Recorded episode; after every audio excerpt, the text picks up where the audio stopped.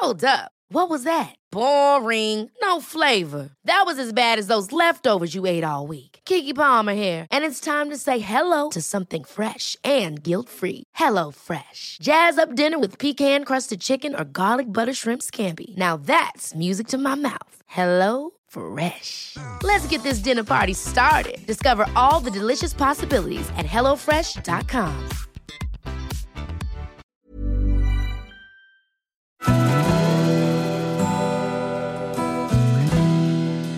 Välkommen till Stora relationsguiden.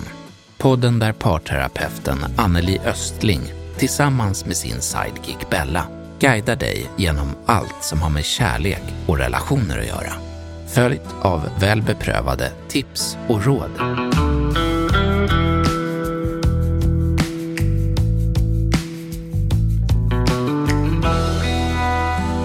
I en relation kan man känna sig som vi mot världen. Men vad händer när världen går emot oss och det blåser hårt omkring oss? När omvärlden sätts på olika sorters prövningar i form av inflation och utgiftssmällar som ökade matpriser, elpriser, bensinpriser och räntehöjningar. Och allt som har varit och är också kring pandemin. Vi hann ju knappt andas emellan så slog också kriget i Ukraina till. Vi lider då med dem som har det svårt och vad kan vi göra för att hjälpa till? Och hur mycket ska man hjälpa? Och sen har vi haft valtider som varit viktigare än någonsin. Och för att inte tala om klimatångesten. Står vi alltså pall mot omvärldens ostabilitet tillsammans? Är vi synkade i det då och kanske blir än mer tajta än någonsin förr?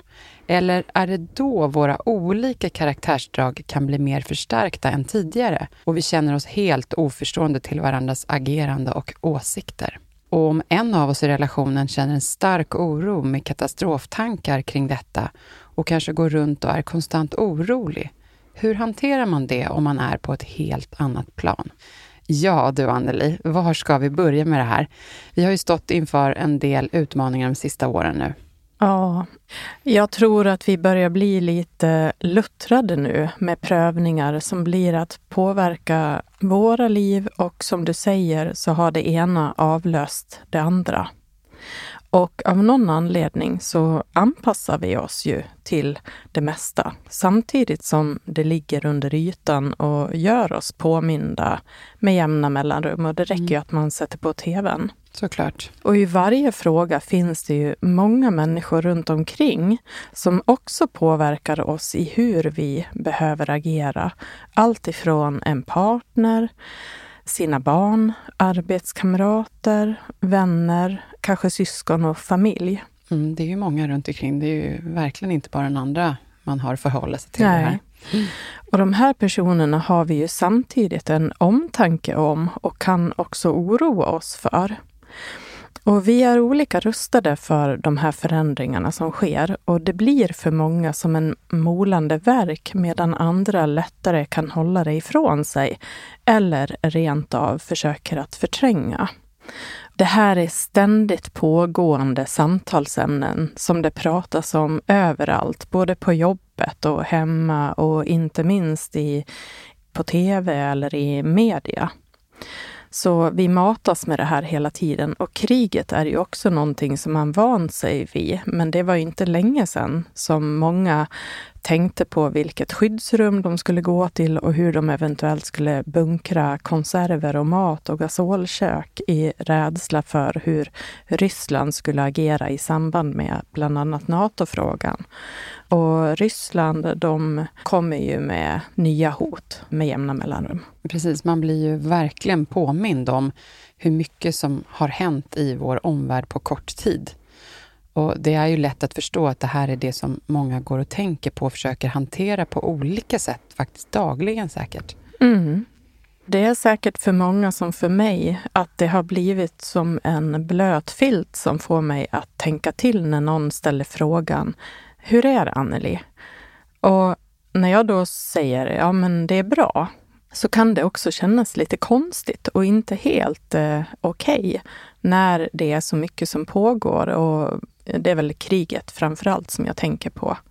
Och jag tycker också att det är svårt. Det går liksom inte bara att kasta den där filten åt sidan heller, för då kanske jag skulle känna mig som en dålig, oengagerad medmänniska. Är det okej? Okay? Kan man må bra i tiderna som råder? Ja, det är ju också en fråga som det finns flera svar på. Och jag kan må bra i mig själv, men nu vägs ofta in hur världen mår i övrigt. Så den frågan har fått en ny innebörd, i alla fall för mig. Mm, men jag kan hålla med om det, att det kan bli direkt provocerande att säga ja, det är bättre än någonsin. Och, och så tänker man på allt som händer runt omkring. Hur kan det vara det? Hur kan det vara det? Ja. ja. Ja, nej, men jag tänker nu att vi ska lyssna på röster på stan här, för du har ju faktiskt frågat personer hur de förhåller sig i sina relationer när mycket är just upp och ner i omvärlden och hur de försöker att behålla tryggheten i relationen. Ska vi ta och lyssna på det? Ja, vi gör det. Först och främst försöka prata om det eh, och sen också att man liksom eh, att vi både behöver stötta varandra i det för att man blir ju väldigt påverkade men då också försöka ibland gå in i våran bubbla och har det bra bara vi och kan man hjälpa alltså kan man hjälpa andra så gör vi det men inte bli för liksom påverkad utav allt som händer.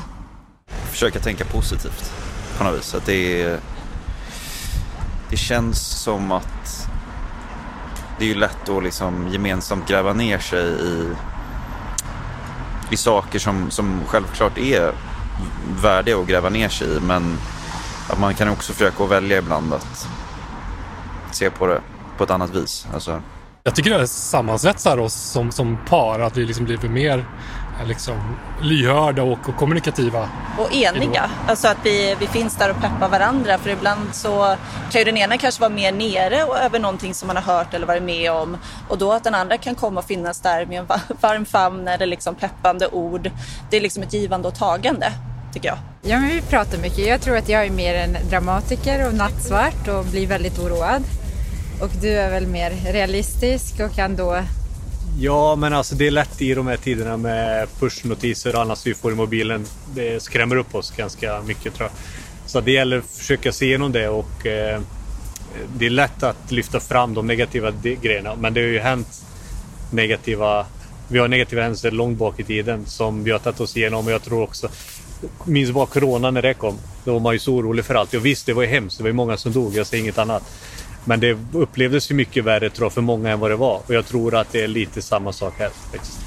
Sen tror jag också, vi har en bakgrund också att komma från båda eh, ett krig eh, och att det också präglat mycket för eh, även om vi var små, du minns ju, jag gör inte det, men att det har påverkat ändå att man liksom förstår att saker kan ändras väldigt fort och att man ändå har Alltså att människor har en kraft när de väl behöver den, att man löser det när man måste. Vi pratar igen om det och framförallt så brukar vi vara ganska duktiga på att och relativisera det för den andra. Eh, det känns alltid, jag tycker att när jag eh, har ma alltså ligger och funderar på någonting eh, och får vädra det för, för dig, då tycker jag att det, det känns alltid bättre för att du har en du har ett annat perspektiv och du, du får ner mig igen lite på, på marken, tycker jag. Jo, jag tvingas hålla med, tycker jag. Men på det stora hela så tycker jag att vi kanske går samman och är, mer tillsammans när det blir eh, så att säga inom citationstecken yttre hot eller faror. Eh, att man är mer mån om varandra.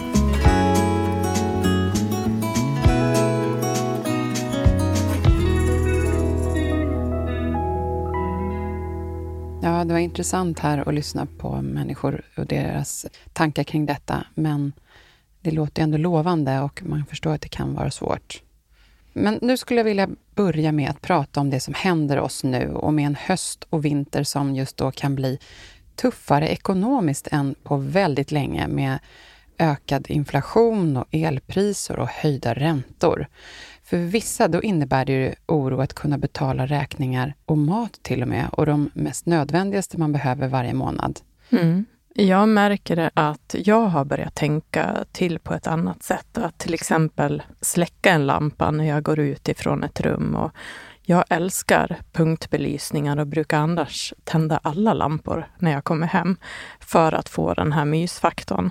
Och jag märker också att jag har börjat titta mera på priserna i affären och det är ganska stor skillnad att välja en yoghurt som kostar 21 kronor istället för den jag brukar köpa som nu kostar 29 kronor i min affär nära mig centralt i Stockholm. Och det här är sånt som jag var van vid att behöva tänka på som barn när man bodde i hus. Att inte duscha för länge till exempel, att inte diska under rinnande vatten. Och det känns ändå lite sunt kan jag tycka att börja tänka sig för igen. Och man vänjer sig snabbt med de bekvämligheter vi har idag. Verkligen, det är en tankeväckare det här. Mm nu pratar vi om de som kanske har det allra svårast med att kunna få ihop till mat och så, men sen finns det ju också för andra där det innebär att man inte har råd att kanske låta landstället vara uppvärmt under vinterhalvåret som man alltid haft tidigare. Och det är olika sårbart beroende på hur det ser ut i ens liv. Oavsett vilket så är det ett nytt ekonomiskt förhållningssätt att leva efter. Mm. Och det här kan ju vara både oroande och stressande för en relation såklart. Absolut. Vad kan vara klokt att göra för att gå samman i den här krisen man har istället för att skapa en klyfta i relationen? Ja, mitt svar är nog inte så överraskande, utan det är ungefär samma svar som jag brukar säga annars, att det är bra att prata med varandra. Och i det här fallet så kan det bli nödvändigt att behöva prata om saker som man vanligtvis inte behöver tänka så mycket på. Alltså det är nya samtalsämnen om väldigt viktiga saker. Och då är det ju bra att visa att båda är beredda att vara med och ta ansvar och engagera sig för att lösa den här nya situationen som kan bli avgörande för en familj. Det blir så ensamt annars. Och det kan väl också handla om att behöva just enas kring vilka åtgärder som ska göras ekonomiskt. Här kan det ju säkert bli utmanande om man har olika intressen kring det hela. Om man är ett par som är varandras motpol och tycker kanske olika när det kommer till ekonomin, där kanske en är mer sparsam och den andra gillar mer att leva i nuet och lever hellre upp pengarna man har kanske, för det är ju nu vi lever, lite den devisen. Eller att man är en sån lagd som tänker att äsch, det kan ju inte bli alldeles för farligt ändå. Det löser sig. Något i den stilen. Mm. Här får man ju tänka till nu när det börjar visa sig bli så. Ja, nu är det ju uppenbart märkbart. Ja, nu är det märkbart. Här belyser du någonting viktigt då det också är vanligt att just en i en relation eller familjen är den som brukar sköta ekonomin. I det här utsatta läget så kan den personen också bli att känna sig väldigt ensam om det ansvaret och det behöver man visa ett delat engagemang i. Viktigt att tänka på det. Mm. Man skulle också kunna säga att det mesta handlar om att vi inte egentligen vill begränsa oss kanske. Man tvingas till det och, och hur ska man hantera det då? Nej, men eh, så är det ju såklart. Man vänjer sig lätt med en viss standard i livet och det kan ta emot att vilja avstå från sånt som länge har varit självklart, både för vuxna och barn.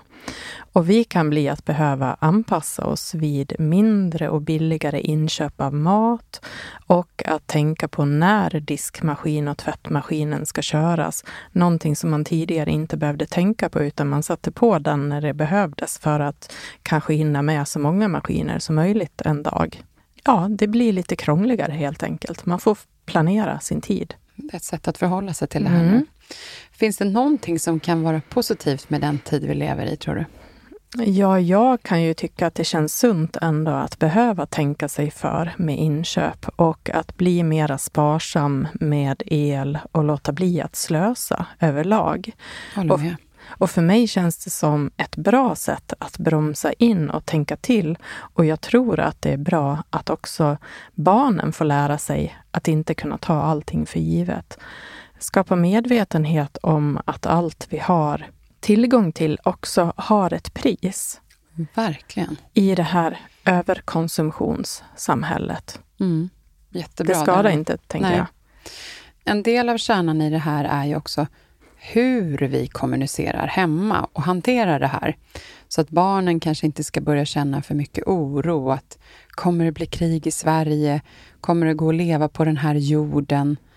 Det blir ju lätt att barnen dras in i en oro kring det här om vi också gör det. Eh, sen säger jag inte att det, det är också sunt att veta om sin verklighet, men det kan ju vara allt ifrån att kommer vi ha råd att få mat på bordet eller betala elräkningen? Kommer jag få ha ett kalas när jag fyller år? Eh, till att eh, kanske kommer vi kunna ha vår, kvar vår sommarstuga eller kunna åka på semester? Men hur ska vi prata med barnen? Hur möter man deras känslor och reaktioner och exakt hur ärliga ska vi vara? Ja, som föräldrar har vi sällan tydliga svar att ge på de här frågorna. Det vi kan göra är att prata på ett ärligt sätt och säga att vi heller inte vet riktigt hur det kommer bli. Men att försöka trygga upp med det som faktiskt är en trygghet med att till exempel bo i Sverige nu och att det inte finns anledning till oro just nu. Även om vi själva känner oro så är det bra att inte visa den så pass tydligt så att det kan finnas anledning för att barnen ska tro att de ska behöva göra oss trygga och glada också, för där går gränsen. Och mat på bordet, det finns ju mycket vi kan göra och jag tror att det finns de som har det värre och, och men att mat på bordet kommer vi nog att kunna ordna för alla. Och det som kan hända imorgon eller om en vecka är det ingen som vet och då är det bättre att fokusera på det som är nu. Och vi ska inte underskatta våra barn heller, men vi kan försöka skydda dem ifrån de värsta bilderna som visas på tv till exempel. Och vi behöver inte ta våra orossamtal framför barnen som föräldrar. Nej, det är bra. Men hur hanterar vi vuxna då vår oro eller engagemang runt eh, kriget i Ukraina? Vad vill du säga om det, Anneli? Ja, det är lite svårt att veta, men det som jag har förstått är att vi vuxna hanterar våran oro på olika sätt. En vägrar att titta på nyheter medan den andra tycker att det är viktigt att vara uppdaterad med vad som faktiskt händer. Det kan se väldigt olika ut hur man vill och behöver hantera sin egen oro. Vissa kanske känner sig trygga av att se och veta vad som händer medan den andra blir otrygg och sover dåligt av att se det som visas mm. på nyheterna till exempel.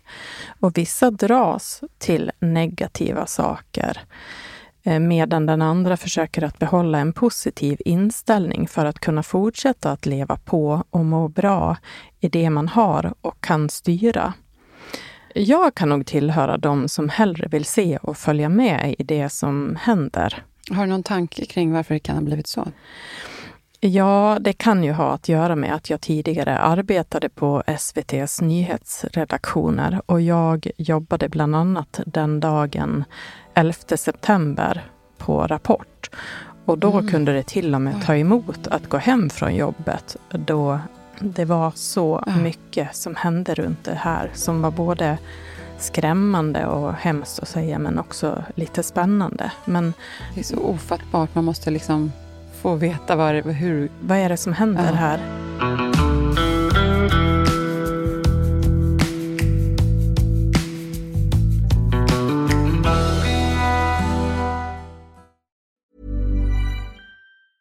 There's never been a faster or easier way to start your weight loss journey than with PlushCare.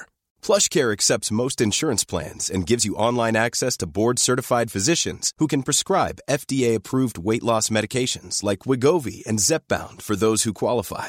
Take charge of your health and speak with a board-certified physician about a weight loss plan that's right for you. Get started today at plushcare.com slash weight loss. That's plushcare.com slash weight loss. plushcare.com slash weight loss. Ever catch yourself eating the same flavorless dinner three days in a row? Dreaming of something better? Well, HelloFresh is your guilt-free dream come true, baby. It's me, Gigi Palmer. Let's wake up those taste buds with hot, juicy pecan-crusted chicken or garlic butter shrimp scampi. Mm. Hello Fresh. Stop dreaming of all the delicious possibilities and dig in at HelloFresh.com. Let's get this dinner party started.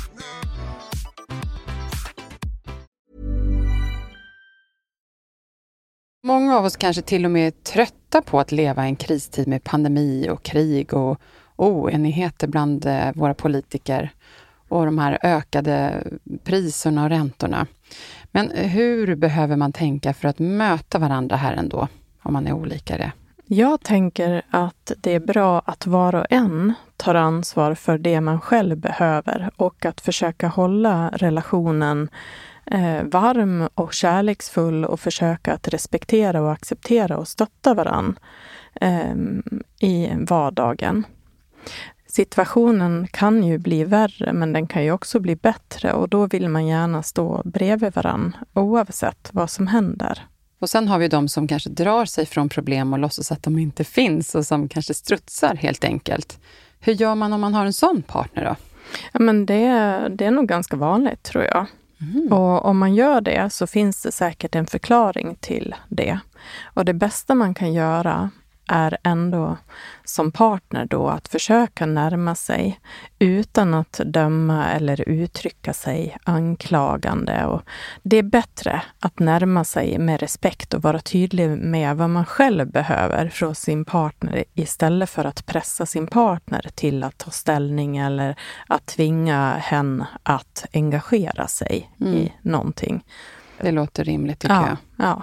Och sen har vi de här delarna som handlar mer om de större frågorna utanför hemmet också, om vi går vidare till det, som kanske inte påverkar oss rent personligen varje dag, men som skapar en polarisering i samhället.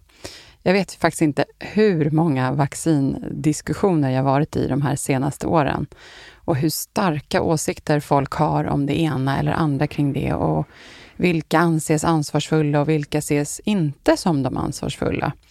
Det här tycker jag är tricky. Vad vill du nämna om det här, Anneli? Ja, överlag så har jag känt mig jättetrött på att dagligen matas med information om pandemin. Och också som du säger, det blir många samtal och det har också skapats olika läger i det här. Vilken sida står man på och vad är det rätt att tycka i det här? Ehm, jag kan inte säga så mycket mer än att, att jag delar din upplevelse mm. med att man har varit i många diskussioner i det här. Det har också varit det här med att eh, hur man skulle umgås eller hur taget kunde man ens umgås då under pandemin. Och här var det tydligt tycker jag att man såg helt olika på sånt beroende vad man har med sig. Om vi hade olika arbeten där kanske en jobbade hemifrån och den andra kanske faktiskt var tvungen att åka kommunalt till sitt jobb för att vara på plats varje dag. Eh, och här kunde det skapas en, en del klyftor, men också förståelse såklart. Det har ju varit en hel del julaftnar, födelsedagar, fester och middagar som har ställts in under den här tiden. Ja, och också många synpunkter runt omkring om är det rätt eller fel eller när är det okej. Okay? Jag minns en halloweenfest som vi skulle gå på där vi i flera veckor planerade och beställde kläder på nätet och vi var på Buttricks och handlade bland annat vampyrtänder och en massa andra roliga grejer. Det låter kul. Men... Men det var inte så mycket att göra mer än att acceptera att festen med kort varsel blev inställd. Mm. Så var det ju bara. Det var bara att gilla läget. Ja. Sen var det här om man då ens kunde umgås med vänner och släkt som vi pratade om. Och det som jag upplevde som har barn och yngre barn och sådär, att får barnen leka ens med andra kompisar, gå hem till andra? Alltså de som då kanske inte ens, om man inte går i samma klass och förskolegrupp, för då var det liksom lite mer accepterat, upplevde jag. Men så fort man skulle mixa utifrån sin grupp, då var det så här, nej men det här är faktiskt inte okej. Okay. Mm. Det har ju funnits många som har lagt sig i ens beslut under pandemin som faktiskt eh, fortfarande pågår också. Mm. Det vimlade av pandemipoliser och vaccinexperter med eller utan kunskap för och emot. Och det var lätt att säga eller göra fel beroende på vem man pratade med.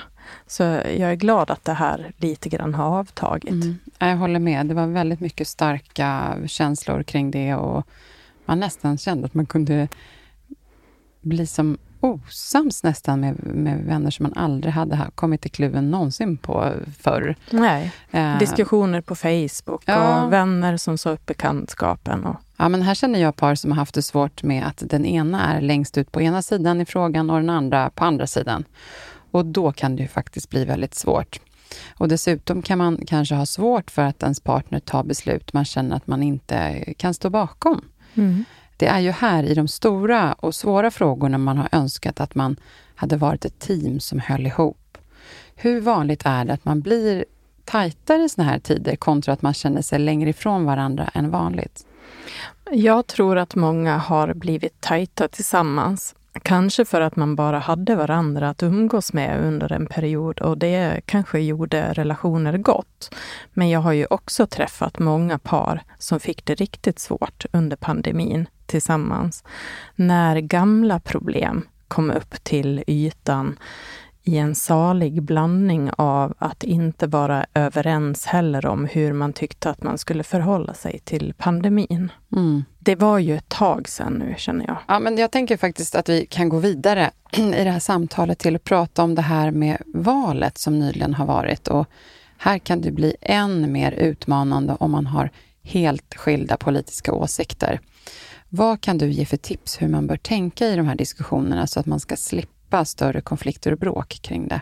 Ja, jag tänker att vi kan börja med att lyssna på rösterna på stan som jag var ute och fångade faktiskt på självaste mm, valdagen. Åh, vad spännande. Och jag ställde frågan, hur viktigt är det för dig vilket parti din partner röstar på? Vi lyssnar. Han får väl rösta på vad han vill, men sen så får man väl motivera hur man har tänkt inför det, typ. Så tänker jag i alla fall. Ja, jag tycker väl att det är viktigt att det inte skiljer sig allt för mycket. Att man inte spretar åt helt olika håll, för det säger ändå en del om vad man har för värderingar. Det är inte så jätteviktigt för mig. Jag tycker det får vara ett eget val. Det är väl liksom viktigt att man ändå tycker relativt lika. För att skulle liksom min partner inte tycka att... Ja men skulle han rösta på någonting som jag inte håller med om så hade jag nog ändå startat liksom en diskussion och fråga om varför och typ försöka få över han på det jag tycker är mer rätt liksom. Inte exakt riktigt vilket, parti, men åt vilket håll ungefär. Ja, det skulle jag också säga. Så att vi har en gemensam bild. Liksom att vi har, det visar ganska tydligt att vi har gemensamma grundvärderingar i saker och ting. Det är inte viktigt, viktigt alls. Jag har inte valt min partner för hennes politiska åsikt. Man får gärna rösta på vilket man vill så länge man har någon form av sund grundvärdering och analys till varför som inte är allt för långt ifrån den jag själv tycker kanske. Jag tror inte att det är avgörande vilket parti. Det måste man ju ändå kunna se att man har olika prioriteringar ibland. Sen tror jag att det är svårt kanske att vara tillsammans med någon som har en helt annan värdegrund eller som har en helt annan uppfattning om verkligheten och sådär. Sen råkar jag vara nästan gift då med en person som eh, vi hittade varandra i partiet, som många andra. Så att vi delar mycket. Det är ganska viktigt faktiskt. Inte att man röstar exakt lika kanske, men att man delar liksom samma värdegrund. Jag och min man vi röstar på samma parti, med samma parti, men vi tycker inte lika om allt. Så det blir ganska mycket diskussioner hemma ändå.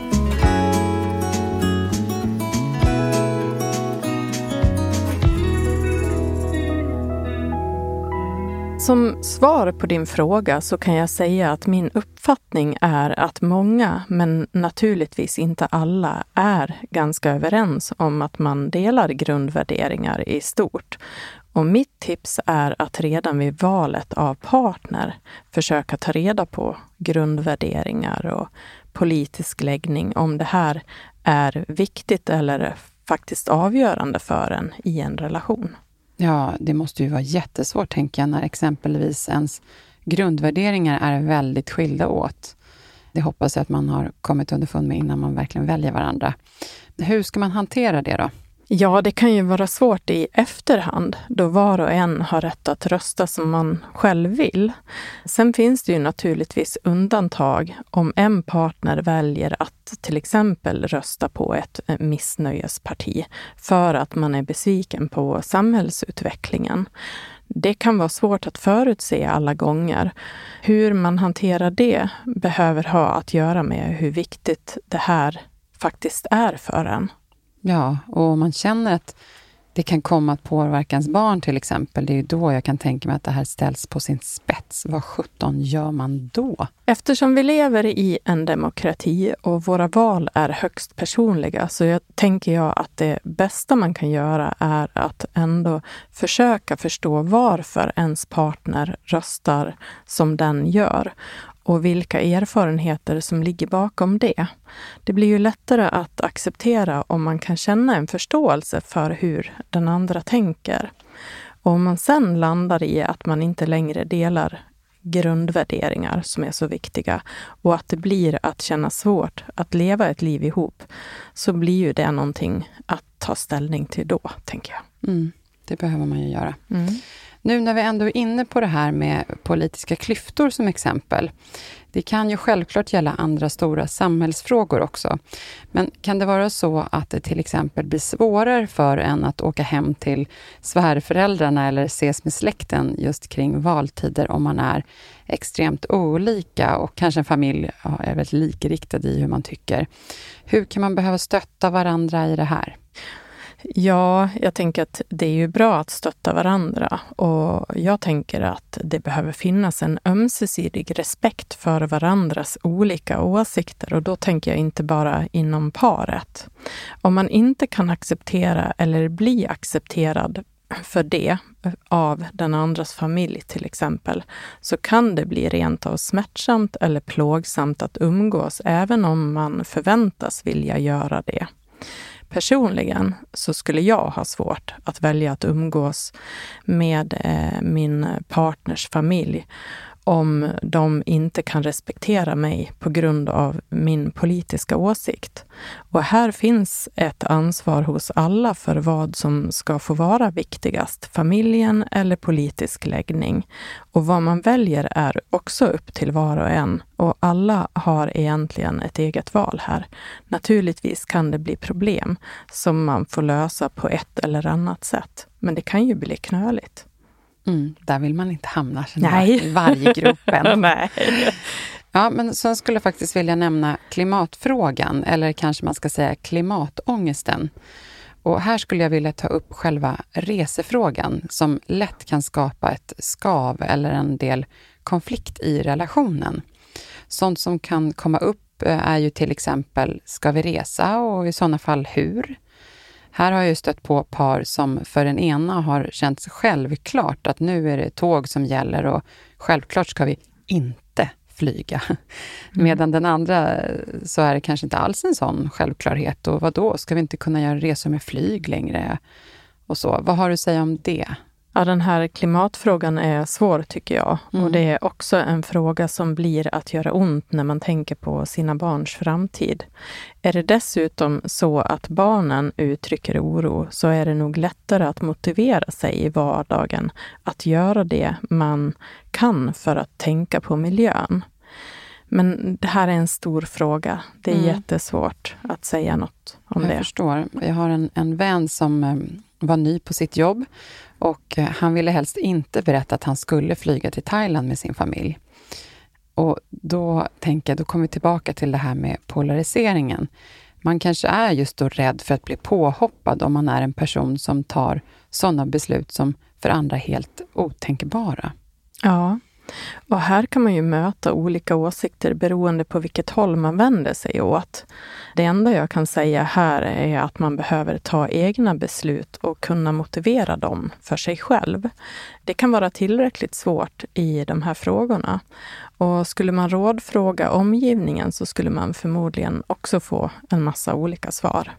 Så ja. det, det handlar om att, att ta ett eget ansvar här. Och hur påverkar man eh, barnen i såna här frågor? Då? Vad kan andra säga på skolan om man berättar att man ska ut och flyga till exempel? Har det blivit svårt för barnen? Ja, men jag tror att till och med barn kan bli att känna sig ifrågasatta på grund av föräldrars val. Och det behöver vi också ta med i beaktan. Om en skolklass till exempel engagerar sig väldigt mycket i miljöfrågor, alltså på ett sånt där härligt sätt som gör att barnen blir väldigt engagerade, så kan det nästintill vara lite elakt att dra iväg sitt barn på en flygresa. Det här kan nog vara lite provocerande att höra. Ja, det tror ja. jag.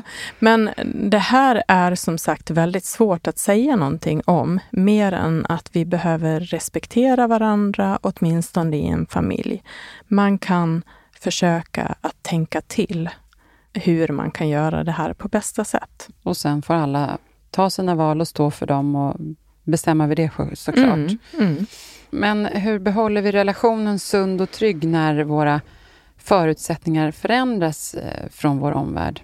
Ja, det blir lätt att man blir tondöv i allt det här och eh, man ägnar sig åt att släcka bränder och försöker att hantera sig själv bara.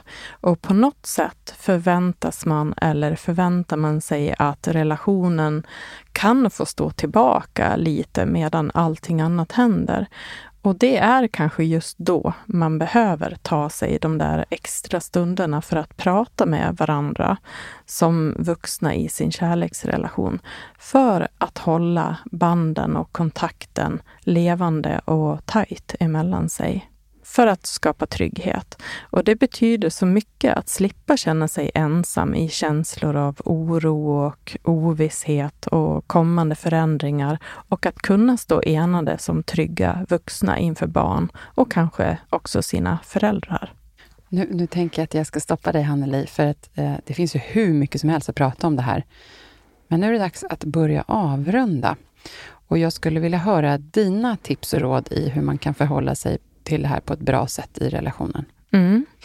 Och då skulle jag vilja börja med någonting som har med kommunikation att göra. Att skilja på debatt och samtal i relationen.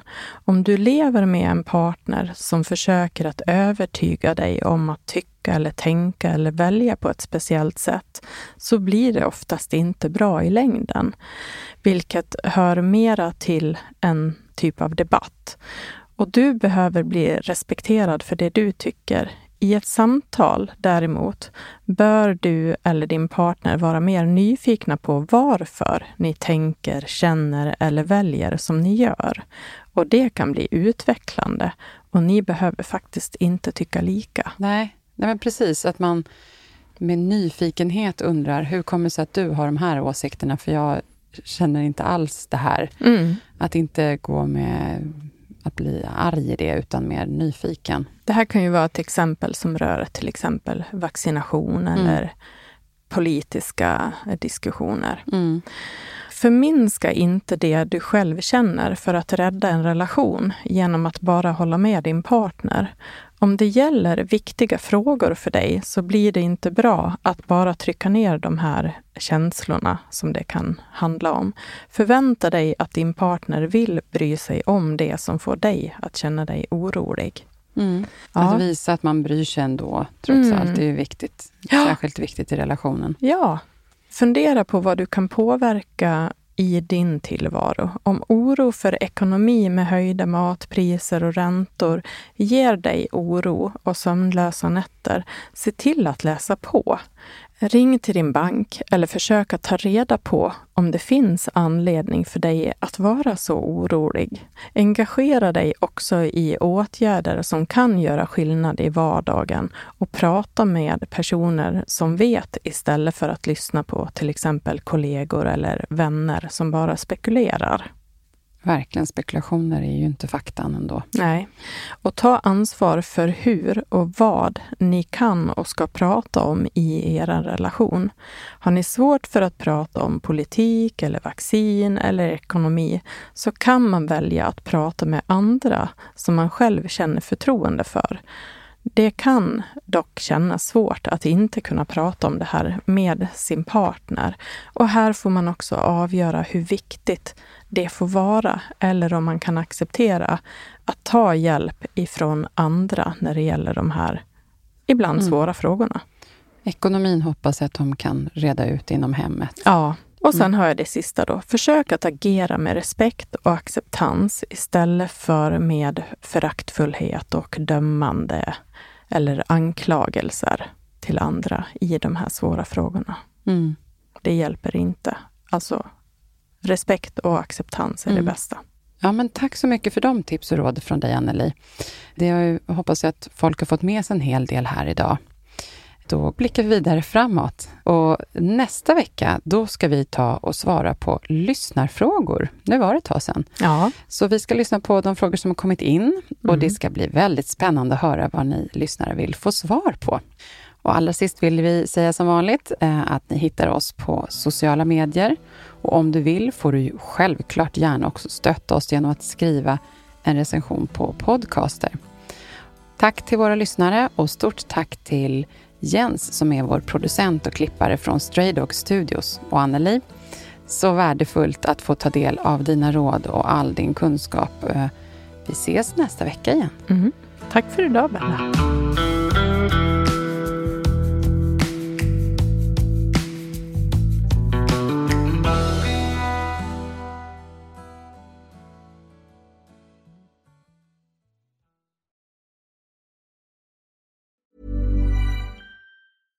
Catch yourself eating the same flavorless dinner three days in a row? Dreaming of something better? Well, HelloFresh is your guilt-free dream come true, baby. It's me, Kiki Palmer. Let's wake up those taste buds with hot, juicy pecan-crusted chicken or garlic butter shrimp scampi. Mm. Hello Fresh. Stop dreaming of all the delicious possibilities and dig in at HelloFresh.com. Let's get this dinner party started. Hi, I'm Daniel, founder of Pretty Litter. Cats and cat owners deserve better than any old fashioned litter. That's why I teamed up with scientists and veterinarians to create Pretty Litter. Its innovative crystal formula has superior odor control and weighs up to 80% less than clay litter. Pretty Litter even monitors health by changing colors to help detect early signs of potential illness. It's the world's smartest kitty litter. Go to prettylitter.com and use code ACAST for 20% off your first order and a free cat toy. Terms and conditions apply. See site for details.